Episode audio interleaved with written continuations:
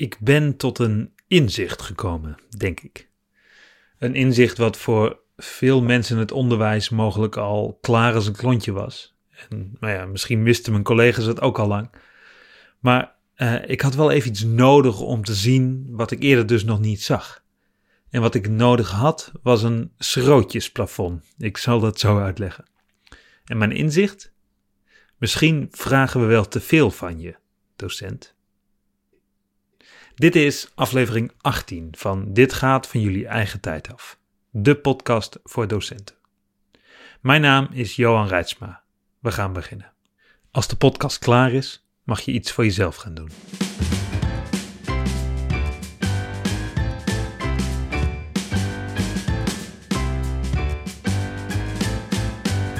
Dat schrootjesplafond dan maar.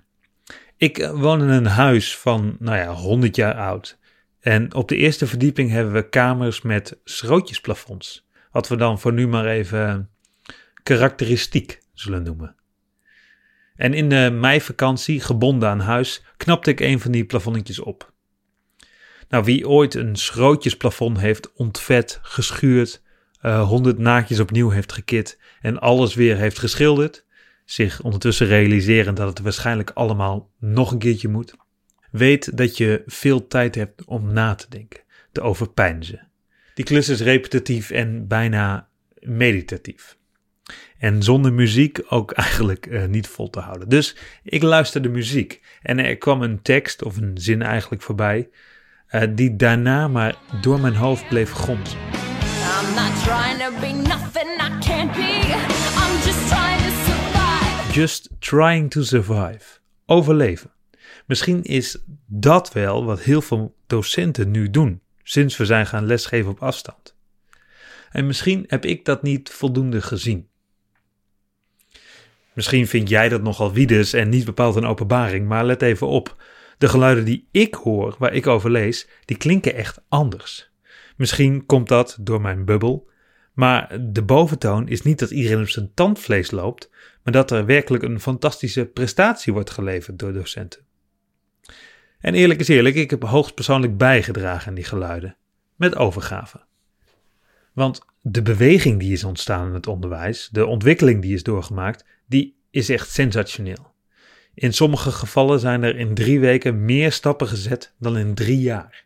Bijvoorbeeld op het gebied van uh, digitale ontwikkeling, maar zeker ook op onderwijskundig vlak. Er is beweging ontstaan. Wat muurvast leek te zitten, bleek ineens toch te kunnen bewegen. Misschien zijn we wel te veel gefocust geweest op die beweging. Er is beweging, dus we moeten doorpakken. We hebben momentum. Vandaag las ik op LinkedIn zeker vijf berichten waarin stond dat dit het moment is om naar een andere vorm van leren toe te gaan. Sowieso en definitief. En dat zijn dan de stukken waarin wordt gewezen op kansen. Maar wie een tel zoekt, vindt echt voldoende stukken vol met waarschuwingen en kritiek. Er is beweging, momentum. Als we iets willen veranderen, dan moeten we dat nu doen. Nu moeten we doorpakken. En ook bij Academy for Learning hebben we het veel gehad over momentum. En nog, en we hebben ook momentum. Uh, voor wie het niet weet, ik zal het even snel schetsen. Uh, vanaf dag 1 eigenlijk van lesgeven op afstand hebben wij webinars gegeven. En uh, nou, hebben we op zoveel mogelijk manieren geprobeerd om kennis te delen. Uh, voor schoolleiders, onderwijsondersteunend personeel en vooral ook voor docenten. Hoe geef je les op afstand? Welke tool gebruik je daarvoor? Hoe werkt die tool? Hoe kun je gaan toetsen? Wat is veilig qua privacy? Dat was eerlijk gezegd een vrij fantastische periode. Er gebeurden zulke mooie, bijzondere dingen. Uh, docenten die na de webinars met meer vertrouwen les konden geven op afstand. Docenten die elkaar hielpen, ongeacht welke school, overtuiging of locatie. Het was echt bijzonder om in zo'n, nou ja, flow te zitten, waarbij je even alles parkeert, want dit is wat we gaan doen. Dit is wat er op dit moment nodig is. En er werd zoveel werk verzet bij ons, maar dat zagen en hoorden we ook bij werkelijk iedere docent die meedeed. Er was beweging, fantastisch. En er was ook direct die moeilijk te onderdrukken reflex. Nu we dit hebben gedaan, moeten we meer. kunnen we meer, want er is momentum. En ik gebruik de term momentum niet zonder reden herhaaldelijk. Het is een van de pijlers van een nou zeg maar, emotionele benadering van verandering. Net als onder andere uh, korte termijn winsten altijd vieren, een gevoel van urgentie creëren en een verandering duurzaam maken. Stel je even voor, uh, er was geen corona geweest, we hadden niet lesgegeven op afstand. En we hadden als ontwikkeldoel op scholen gesteld dat we de stappen zouden maken die we nu uh, in een paar weken noodgedwongen gemaakt hebben. Dan hadden we elkaar aangekeken en mogelijk op het voorhoofd getikt. Waanzinnig idee, veel te grote stappen, niet realistisch. Maar nu, nu we noodgedwongen zulke stappen wel hebben weten te zetten, die we dus eerder misschien wel voor onmogelijk hadden gehouden, zeggen we: Oh, maar als dit gelukt is, dan kunnen we de rest van het onderwijs ook nog wel even hervormen. Uh, het examen op de schop, uh, kansenongelijkheid de wereld uit, achterstanden wegwerken, eventueel door nou ja, wat vakantie in te leveren. Uh, de weg naar gepersonaliseerd leren of gepersonaliseerd onderwijs ligt open. Vanaf morgen gaan we leerdoel gestuurd werken in plaats van lesdoel gestuurd. Doorpakken. We hebben momentum.